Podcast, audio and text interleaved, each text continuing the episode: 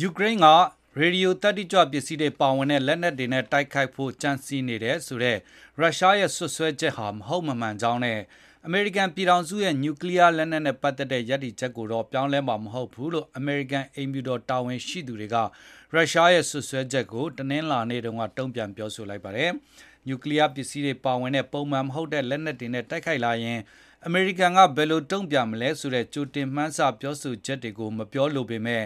နျူကလီးယားလက်နက်အသုံးပြုလာမယ်ဆိုရင်တော့နောက်ဆက်တွဲရလဒ်တွေဟာအလွန်ပြင်းထန်မယ်လို့ရုရှားကိုအသိပေးထားပြီးဖြစ်ပါတယ်လို့အမေရိကန်အမျိုးသားလုံခြုံရေးကောင်စီတာဝန်ရှိသူတဦးဖြစ်တဲ့ John Kirby ကသတင်းထောက်တွေကိုပြောဆိုခဲ့ပါတယ်။ရုရှားကယူကရိန်းအနေနဲ့ရေဒီယိုသတ္တိကြွပစ္စည်းတွေပါဝင်တဲ့လက်နက်နဲ့တိုက်ခိုက်ဖို့ပြင်ဆင်နေတယ်လို့တနင်္လာနေ့မှာထပ်မံစွပ်စွဲခဲ့တာပါ။ ယူကရိန်းကိုမဟုတ်မမှန်တဲ့အကြောင်းပြချက်နဲ့စွပ်စွဲပြီးနျူကလီးယားပစ္စည်းတွေပါဝင်တဲ့ဗုံးအသုံးပြုတိုက်ခိုက်ဖို့ရုရှားကကြံစည်နေတယ်လို့အနောက်တိုင်းနိုင်ငံတွေကလည်းတနင်္လာနေ့မှာပြော